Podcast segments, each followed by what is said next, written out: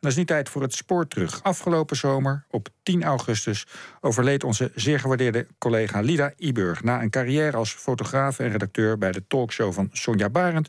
kwam ze in 1984 in dienst als programmamaker bij de VPRO. En tot haar pensionering maakte Lida Iburg ontelbare prachtige documentaires... voor programma's als Het Spoor Terug, Het Gebouw, Aardse Zaken, Documentaire op 5... en ze presenteerde onder andere Villa VPRO.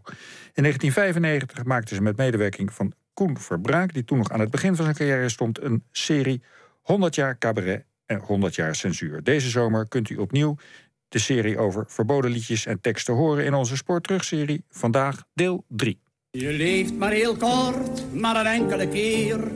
En als je straks anders wilt, kun je niet meer. Mens durft te leven. Vraag niet elke dag van je korte bestaan. Hoe heeft er mijn pa en mijn opa gedaan? Hoe doet er mijn neef en hoe doet er mijn vriend? En wie weet hoe of dat nou de wereld weer vindt? En wat heeft het fatsoen voorgeschreven? Mens durft te leven. Een eeuw cabaret en een eeuw censuur. Het eerste optreden van Eduard Jacobs in 1895... in een nachtsociëteit in de Amsterdamse Pijp... wordt bestempeld als de start van het Nederlandse cabaret. En daarmee begon ook de censuur. Na de oorlog hadden alle omroepen een zogenaamde tekstcontroledienst. Een afdeling die de teksten voor de uitzending streng controleerde... op wat in die tijd wel en niet zou mogen en kunnen. Religie, koningshuis en seks waren de drie grote taboes in het amusement. Simon Carmichelt heeft eens gezegd... ik heb niets tegen het rode potlood van de VARA, zolang het maar rood is.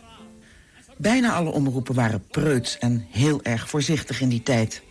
We eindigden vorige week in 1962 met Jules de Korte en de KRO. Veel liedjes van Jules de Korte werden in zijn geheel of gedeeltelijk verboden bij de KRO... waar hij in vaste dienst was. We hadden het vorige week ook al even over het cabaret Lurelei. Toen, in 1962, het lied Call Girl geschreven door Guus Vleugel en gezongen door Jasperina de Jong... niet uitgezonden mocht worden op de televisie. Bij het woord lurelei veert Wim Ibo helemaal op. Ja, als je het woord lurelei laat vallen, dan uh, ga ik rechtop zitten. Uh, de jaren 60, eigenlijk beginnend eind 50 en doorlopend naar begin 70... beschouw ik echt als de grootste bloeiperiode die het Nederlandse cabaret heeft gekend. En uh, dat is te danken aan het feit dat ik het gevoel kreeg... dat het Nederlandse cabaret eindelijk volwassen was geworden. Die roerige jaren zestig, die hebben ook gewerkt op de cabaretkunst. En uh, Lurelei, onder aanvoering van Erik Herfst... met Guus Vleugel als de belangrijkste auteur... met zeer baanbrekend werk, uh, heeft ervoor gezorgd dat dat er een cabaretsfeer is ontstaan... waardoor ik nu, na al die jaren, nog altijd met heel veel plezier kan luisteren... naar de opnamen die er toen van zijn gemaakt. En dat vindt tekstschrijver Guus Vleugel in alle bescheidenheid zelf ook. Het cabaret, wij waren natuurlijk in die tijd echt het enige cabaret dat... Uh, dat betekenis had. Een aantal jaren. Waren wij, in de jaren 60 waren wij het cabaret. Was de rest dit, nou ja, nauwelijks mee. Dat eh, was uh, absoluut niet belangrijk. Want het waren heel uh, niet geëngageerde... voor ons gevoel het waren gewoon saaie cabaretjes... die een beetje lyrische liedjes deden. Schattig Ramses en Lieselore Gerritsen en... dit ga ik er maar niet te vergeten, ja. In het programma Wie is bang voor Lurelei... dat in oktober 65 in Amsterdam in première ging... kwam onder andere het nummer Republikeinse Kapsalon voor. Het is een satirisch lied over een Nederlandse samenleving zonder vorstenhuis. In die tijd het onderwerp van gesprek. Wel of geen republiek. Gezeten bij de kapper praten Jasperina de Jong en Marianne Berk... over het verleden toen we nog wel een koningshuis hadden... en het heden met een president. En dat lied leidde ertoe dat burgemeester Van Hal van Amsterdam... de groep bij zich thuis uitnodigde. Tekstschrijver Guus Vleugel over Wie is bang voor Lurelei. we hadden natuurlijk aan de ene kant het gevoel van dat het establishment hem voor ons kneep. Verder uh, was het een ironische toespeling op het toen zeer bekende toneelstuk... Uh, Wie is bang voor Virginia Woolf? Wat net in dat seizoen ook speelde. Want dat deden we altijd. We hadden daar het volgende programma, uh, heette geloof ik, Wij Lurelei. En dat was de analogie van ik, Jan Kramer en zo. En dat begrepen mensen natuurlijk in die tijd wel. Daar begrijp je nu geen snars meer van, maar nu weet u het dus ook. Ja, we, we, hadden het over de Republikeinse kapsalon.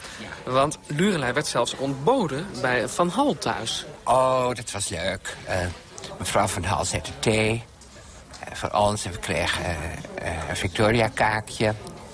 En meneer Van Hal zei dat we... Nee, die vroeg of we van plan waren zo door te gaan. Hè? Het was een sketch over de dan was bij de familie Van Hal. Hij vroeg of we er niet mee konden ophouden. En toen zeiden we nee. En toen zijn we dus doorgegaan met dit soort nummers te maken. Want hij vond het heel vervelend. Dus wie is bang voor Lurelei? Ja, meneer Van Hal was bang voor Lurelei. Nou ja, ik was toch wel een beetje bang, hoor. Bang, bang voor wat? Ja, wat, waar kan je, ik weet het niet waar ik bang voor was... maar je hebt, je hebt uh, toch wel eens uh, gelezen over mensen die... Uh, tien jaar dwangarbeid krijgen of zo. Ja, heer dan niet, maar dat had ook gekund, bij wijze van spreken. Je weet... Het Amsterdamse bos. Want dit was toch een, iets uh, uh, zonder precedent, eigenlijk. Dit, dit, bezoek al was al heel vreemd. Dat, dat is geloof ik uh, nooit voorgekomen verder.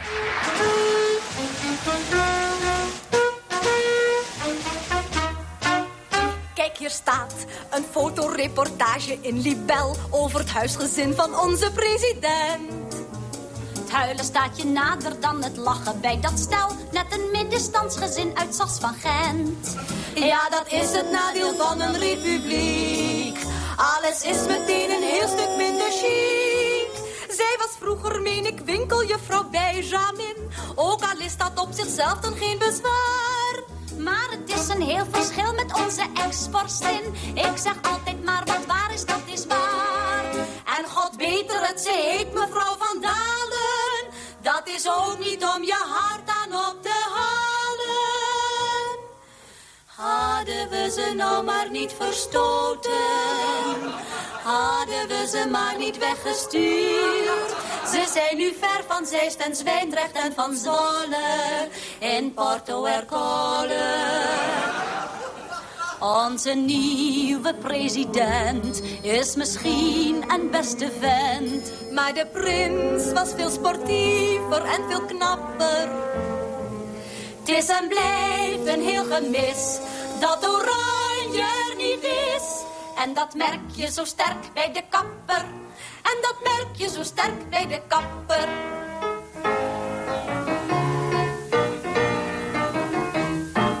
Denk nog vaak weemoedig aan Soesdijk en Drakenstein... en de fotoreportages in Margriet.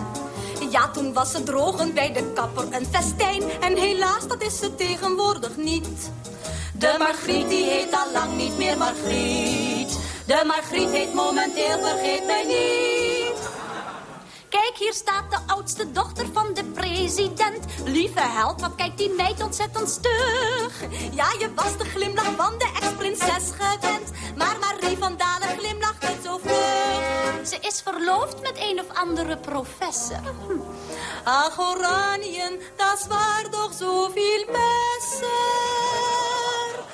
Hadden we ze nou maar niet verdreven... Hadden we ze maar niet weggedaan. De zoete rust zit ons tot hier die wij nu beiden. Nu het oranje zonnetje van ons ging scheiden. Onze diepste sympathie geldt nog steeds de monarchie. Want ze weerde zich zo deugdig en zo dapper. Zonder deze kostbare schat is een blad geen damesblad. En dat merk je zo sterk bij de kapper. En dat merk je zo sterk bij de kapper.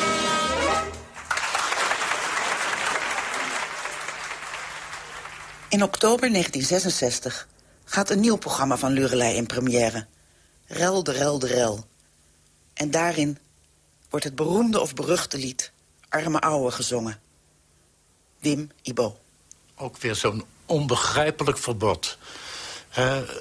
het is eigenlijk zo'n verschrikkelijk lief liedje. Hè? Uh, we zaten midden in die uh, hele republikeinse stroming, zal ik maar zeggen.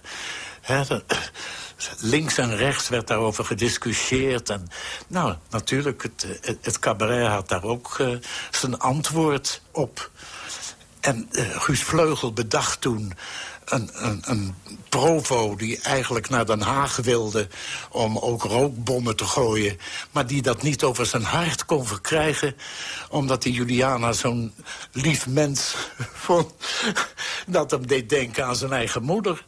Dat is zo'n schitterende benadering hè, van die hele problematiek van toen.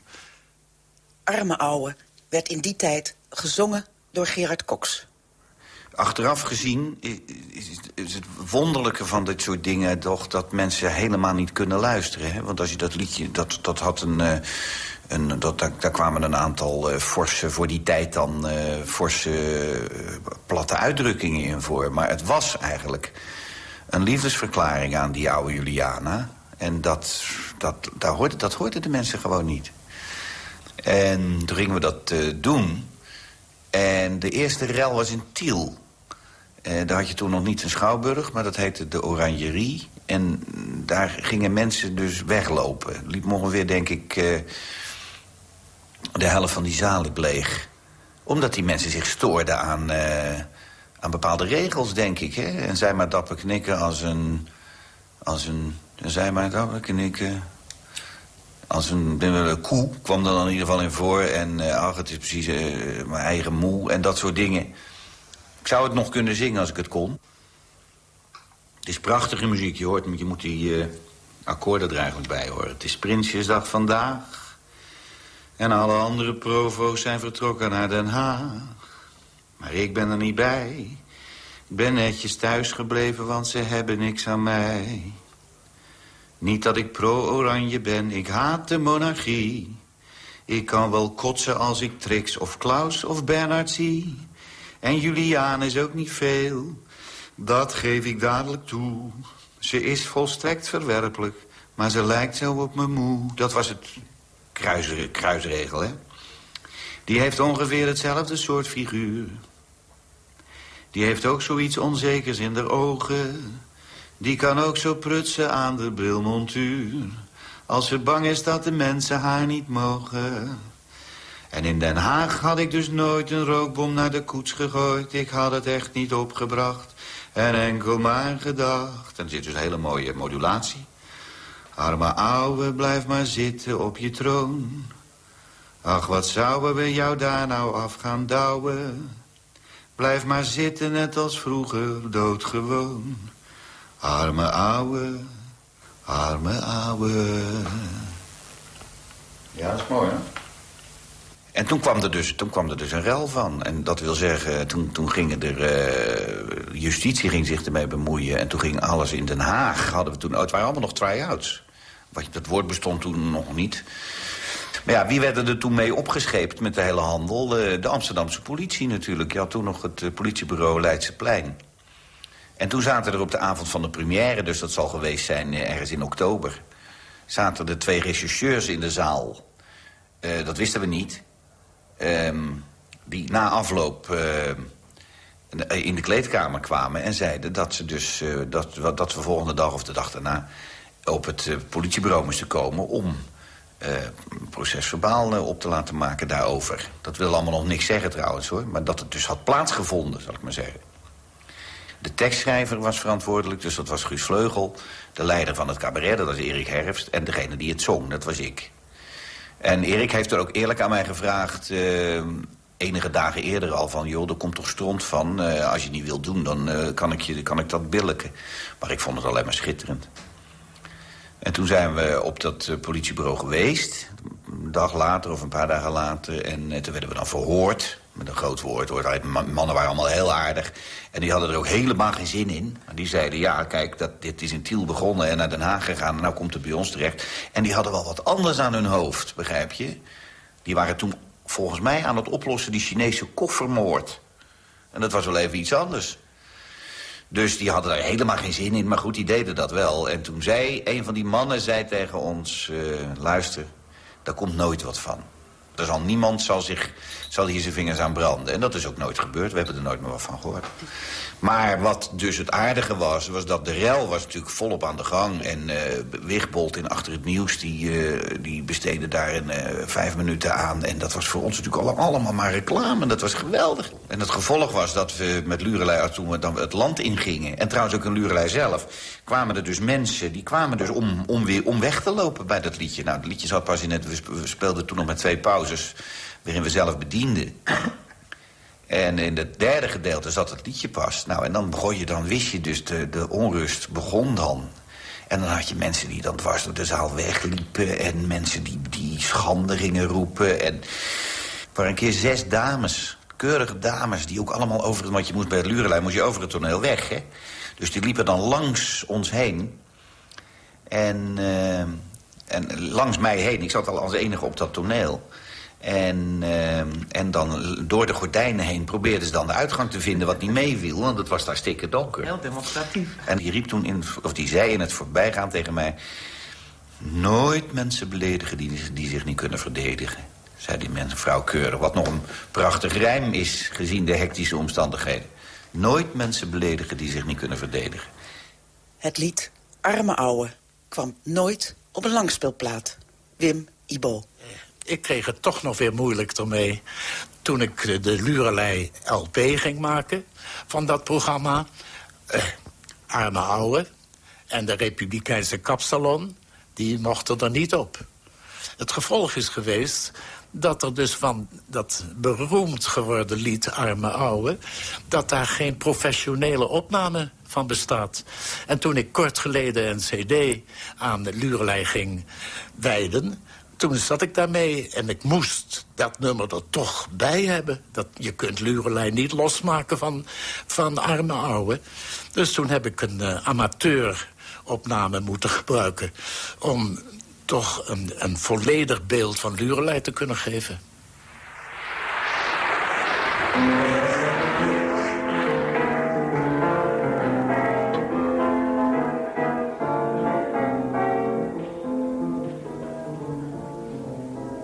Prinsjesdag vandaag en alle andere provo's zijn vertrokken naar Den Haag.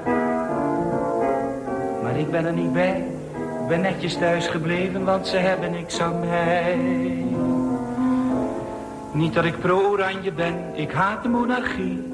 Ik kan wel kotsen als ik Trix of Klaus of Bernard zie. En Julianus ook niet veel, dat geef ik dadelijk toe. Ze is volstrekt verwerpelijk, maar ze lijkt zo op mijn moe. Die heeft ongeveer hetzelfde soort figuur. Die heeft ook zoiets onzekers in haar ogen. Die kan ook zo prutsen aan haar brilmontuur. Als ze bang is dat de mensen haar niet mogen. En in Den Haag had ik dus nooit een rookbom naar de koets gegooid. Ik had het echt niet opgebracht en enkel maar gedacht. Arme ouwe, blijf maar zitten op je troon. Ach, wat zouden wij jou daar nou af gaan douwen? Blijf maar zitten, net als vroeger, doodgewoon. Arme ouwe, arme ouwe.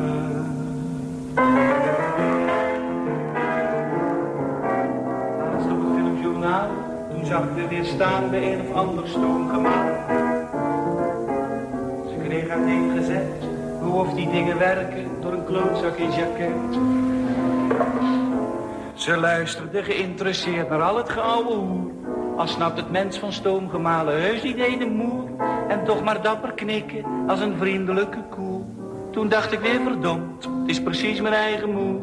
Er is heel wat aan de loops, dat weet ik best. Maar mijn moeder heeft dezelfde mankementen. Die is ook zo bijgelovig als de pest. Die is af en toe ook aardig op de centen. En toen ze over het filmdoek schreed, als altijd niet de best gekleed. Toen was het eigenlijk zo'n dot en dacht ik weer, ach god. Arme ouwe, blijf maar fijn in je paleis. Blijf maar fijn langs alle stoomgemalen sjouwen. Heus, wij stellen dat ontzaglijk op prijs. Arme ouwe, arme ouwe.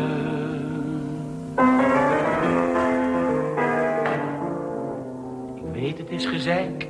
Ze is geen arme ouwe, want ze is ontzettend rijk. En als ik hem niet zie, dan heb ik heus geen last van een teveel aan sympathie. Ik ben nu voor ons blaadje aan het werk, aan een cartoon. Vandaag is het immers Prinsjesdag, dan moet een mens wat doen. Een dame met een kroontje en een bril zit op het toilet. En veegt er gat af aan een duizend gulden bankbiljet. Je kan zeggen dat is niet bijzonder fijn. En ik ben de eerste om dat toe te geven. Maar het zal me zo'n grote rotzorg zijn. Als uiteindelijk die troep wordt opgeheven.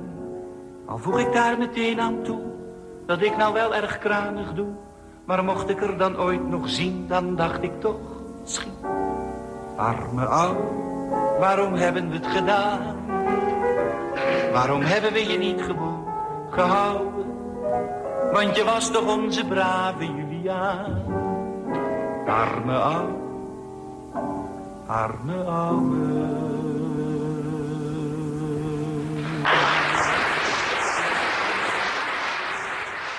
Na alle rellen rond liedjes over het Koningshuis... is de religie aan de beurt. Het liedje God is niet dood, weer gezongen door Gerard Cox... en de tekst is weer geschreven door Guus Vleugel... werd verboden door alle omroepen, inclusief de VPRO. Gerard Cox over God is niet dood. Ja, dat was ook zo. Dat was natuurlijk een enig nummer. Die Guus Vleugel in zijn goede tijd kon die natuurlijk heel goede liedjes maken. Muziek daarvan is van Ruud Bos. En dat was een tango. En Johan Verdoner, de regisseur, die... eh, ik wist toen ook niet dat ik dat kon, hoor. Dat is altijd het aardige met een goede regisseur. Dat hij uit je haalt waarvan je niet weet dat je het in je had... zoals Olie bij Bommel dat zegt. En eh, die, die, die maakte daar dus een hele tango. Ik danste dat hele nummer en ik had nog nooit van mijn leven gedanst. Ik was toen 26, dus dan, nog dat, ben je ook wel een beetje flexibel nog. En ik, ik kan heel goed bewegen, maar dat wist ik alleen nog niet toen. Maar toen daarna wist ik het dus wel. En dat nummer dat werd door Annie Schmid toen in een uitzending... het beste cabaretnummer van het jaar genoemd. Wat ook weer een enorme pluim op ons hoed was natuurlijk. En ehm, ja, dat was een heel goed idee. Dat iedereen op zijn eigen manier... eh, zijn, zijn, eh, de God, de, het, het, het al of niet... of in, in dit geval het aanwezig zijn...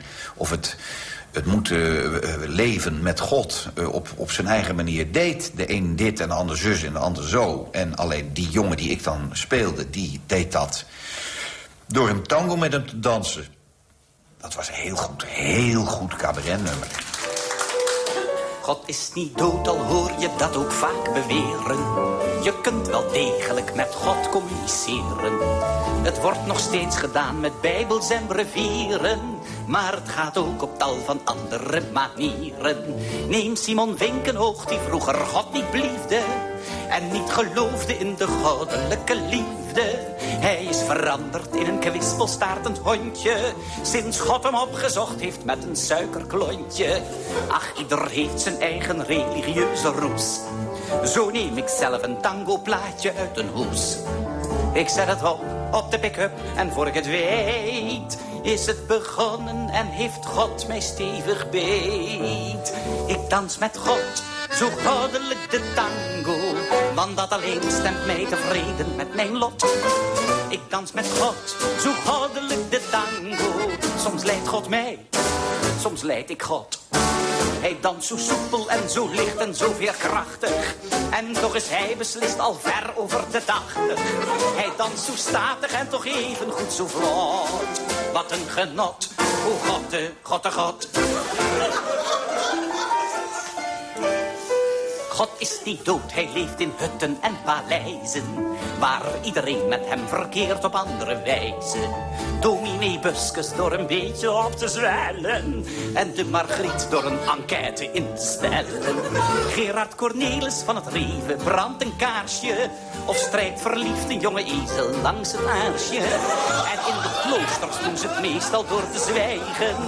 En op de Veluwe door polio te krijgen. Dat doet mij deugd, ja dat verheugt mij werkelijk zeer. Ik kijk daar absoluut geen ogenblik op neer. Maar ik zoek het toch voor mijn persoonlijke mystiek. Steeds weer het liefste in die nobele dansmuziek. Ik dans met God, zo goddelijk de tango. Want op een tango zijn wij allebei verzot. Ik dans met God, zo goddelijk de tango. Van het begin tot aan het slot.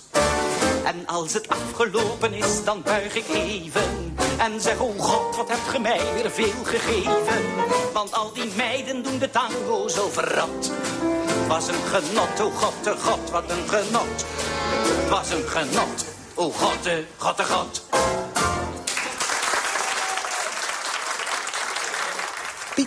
Was van 1952 tot 1980 televisiedirecteur bij de VARA. Ook alle andere omroepen verboden het lied God is niet dood. Maar van de meeste andere omroepen zijn de verantwoordelijken van toen... of overleden, of konden zich absoluut niets meer herinneren... of wilden niet met ons praten. Piet Tenel had al een enorme rel over religie achter de rug. Hij besloot namelijk in 1963 dat het beruchte onderwerp beeldreligie... uit het programma Zo is het toevallig ook nog eens een keer... wel uitgezonden mocht worden.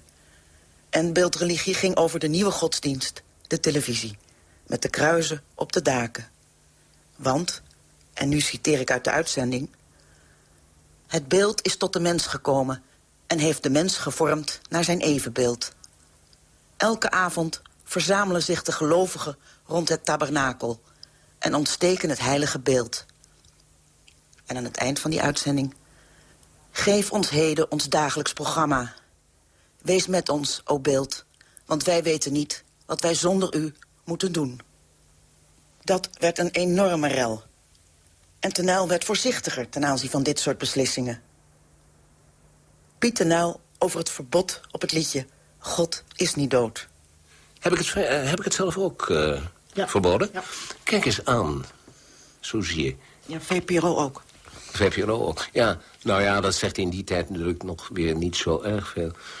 Ik heb uh, er geen herinnering meer aan wat nu de wezenlijke overwegingen geweest zijn. Maar ja, zaten toch wel, uh, laat ik het in het algemeen nog even zeggen... die zaten toch wel ook in het vlak van... wij als VARA zijn niet zo thuis op dat religieuze gebied. Er waren inderdaad ook in de staf maar weinig mensen die daar goed uh, van op de hoogte waren. En uh, dat maand je dan toch wel tot een nog grotere mate van voorzichtigheid. Sinds 1962 heeft Willem Duis zijn muziekmozaïek op de zondagmorgen. Het 33ste seizoen. Hij heeft nog nooit last gehad van censuur. Want hij draaide de liedjes van Lurelei gewoon niet.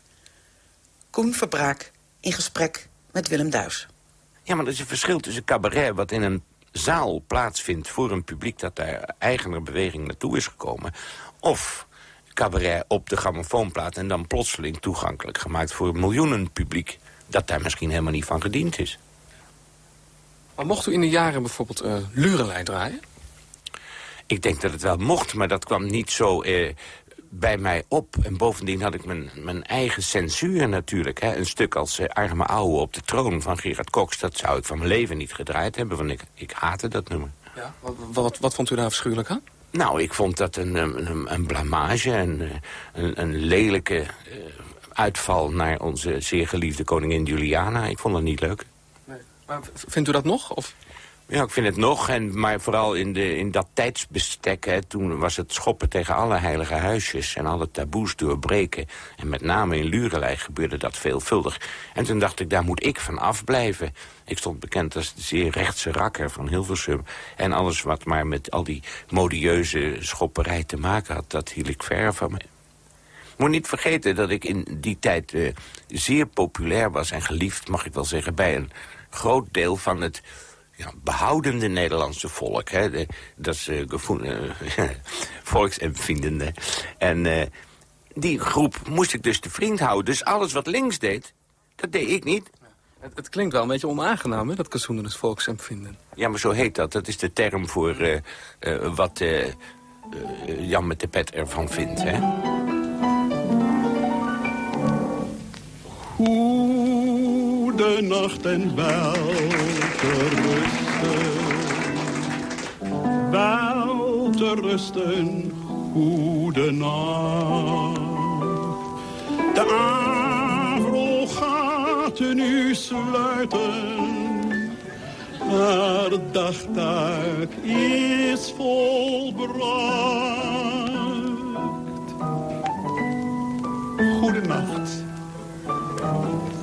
En wel te rusten.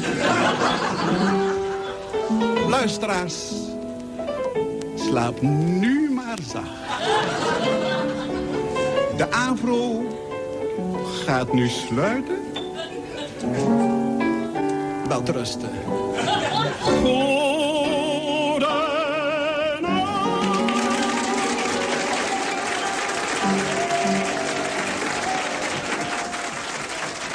Dit was even een extraatje van Bob Scholten van de plaat Waar blijft de tijd?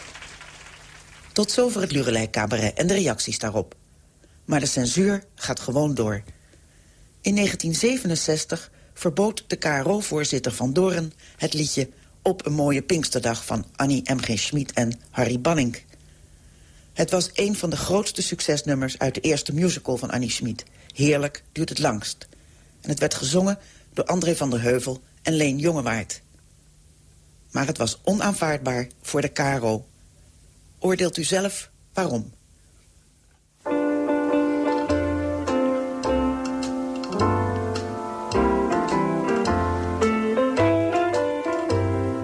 Op een mooie Pinksterdag, als het even kon, liep ik met mijn dochter aan het handje in het park te kuieren in de zon. Gingen madeliefjes plukken, eentjes voeren eindeloos. Kijk nou toch, je jurk wordt nat, je handjes vuil en papa boos. Vader was een mooie held, vader was de baas. Vader was een duidelijke mengeling van onze lieve Heer en Sinterklaas. Ben je bang voor het hondje? Hondje bijt niet. Papa zegt dat hij niet bijt. Op een mooie Pinksterdag. Met de kleine meid. Als het kindje groter wordt. Roosie in de knop. Zou je tegen alle grote jongens willen zeggen, handen thuis en lazer op. Heb u dat nou ook, meneer? Jawel, meneer. Precies als iedereen op een mooie Pinksterdag. Laat ze je alleen.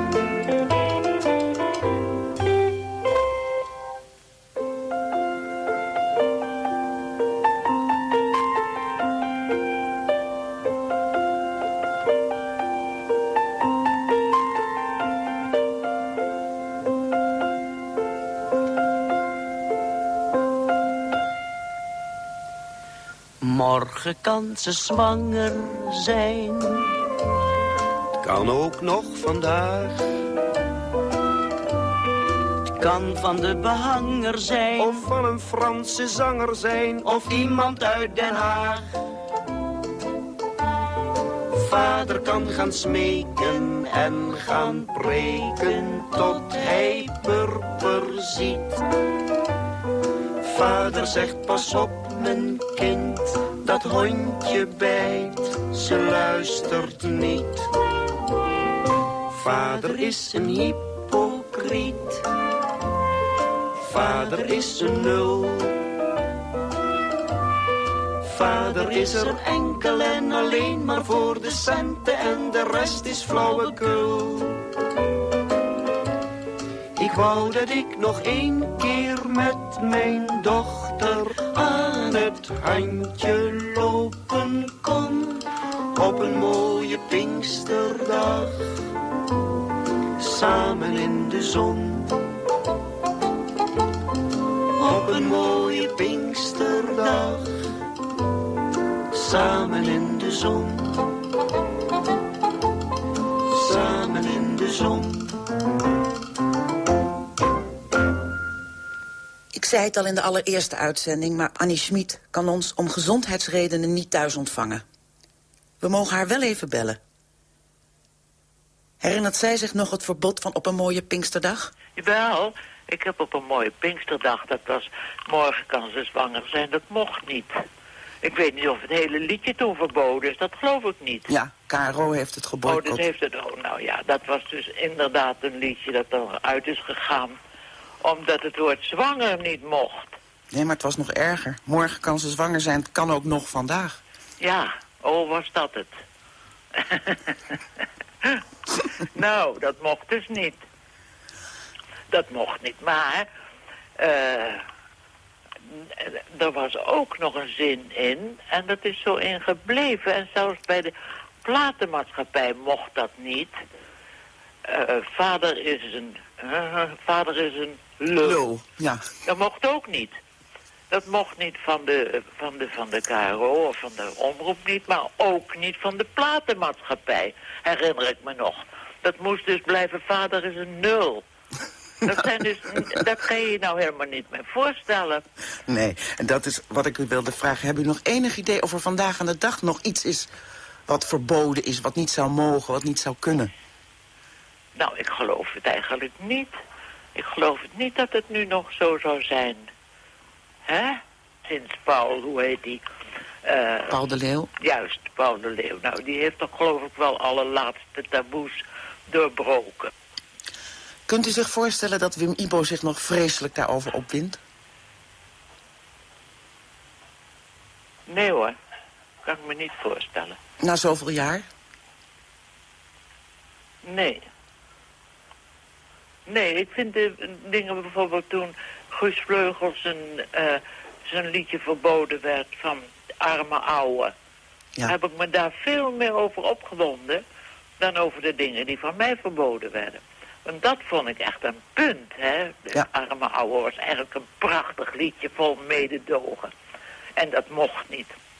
Omdat het majesteitsschennis of zoiets dergelijks was. Ja. Dat vond ik heel erg gruwelijk. Maar eh, ik vind al die fatsoensnormen, daar kan je even kwaad op maken, maar dan gaat het weer over, hoor. Na het Koningshuis, de religie en morgen kan ze zwanger zijn... wil een onderwerp over het leger ook nog wel eens aanleiding geven tot een boycott. In de eerste uitzending hadden we het al over een vooroorlogsliedje van Dirk Witte. Jopie met de peren. Over een marketenster die haar peren en haar liefde verkocht aan het hele bataljon. Dat werd voor, maar ook na de oorlog nog verboden. Het beroemde lied Le Deserteur van Boris Vian werd een lange tijd in Frankrijk verboden. Het was staatsgevaarlijk. En eind jaren 60 ging er met de Nederlandse vertaling van Jaap van der Merwe ook iets mis. Peter Blanker zong in die tijd de dienstweigeraar. Uh, ik heb twee versies van uh, de dienstweigeraar gezongen. En er waren in Frankrijk ook twee versies van de dienstweigeraar. De ene werd gezongen door Boris Vian. En dat was eigenlijk de scherpste. En later, en dat is eigenlijk de grote hit geworden... werd het gezongen door Mouloudji. En waar uh, Boris Vian zong Monsieur le Président... zong Mouloudji Monsieur qu'on nomme grand. Heren die men groot noemt. Dat is natuurlijk veel minder direct. En je moet je voorstellen dat in die periode dat uh, Boris Vian het schreef... Uh, in Frankrijk grote trubbels waren met hun uh, kolonie uh, Algerije. Ernst van Altena had de eerste versie vertaald. Die was eigenlijk veel scherper. Ik heb ze dus allebei gezongen. En bij die tweede versie gebeurde er inderdaad iets merkwaardigs. Dus laten we zeggen de zwakste versie. die kwam op een grammofoonplaat terecht. Die hoorde op een grammofoonplaat terecht te komen van de serie het oproer kraait... die uh, Jaap van der Merwe toen voor de VARA deed. En dat, uh, dat bleek er niet op te staan toen de plaat uitkwam. Dat ene nummer niet? Dat ene nummer was eigenlijk verdwenen ervan. En later is de, de plaat ook met zachte trom... in, het, in, het, in het niets verdwenen. Er zijn er een paar honderd verkocht. En toen was je plotseling nergens meer te krijgen.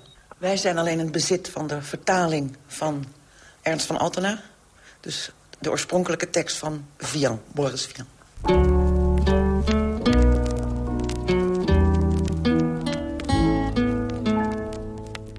meneer. Ja, dit was het derde deel van 100 jaar cabaret, 100 jaar censuur... gemaakt door onze vorig jaar augustus overleden collega Lida Iburg. Volgende week deel 4, het laatste deel... met onder meer Jan Rietman over censuur bij de NCRV.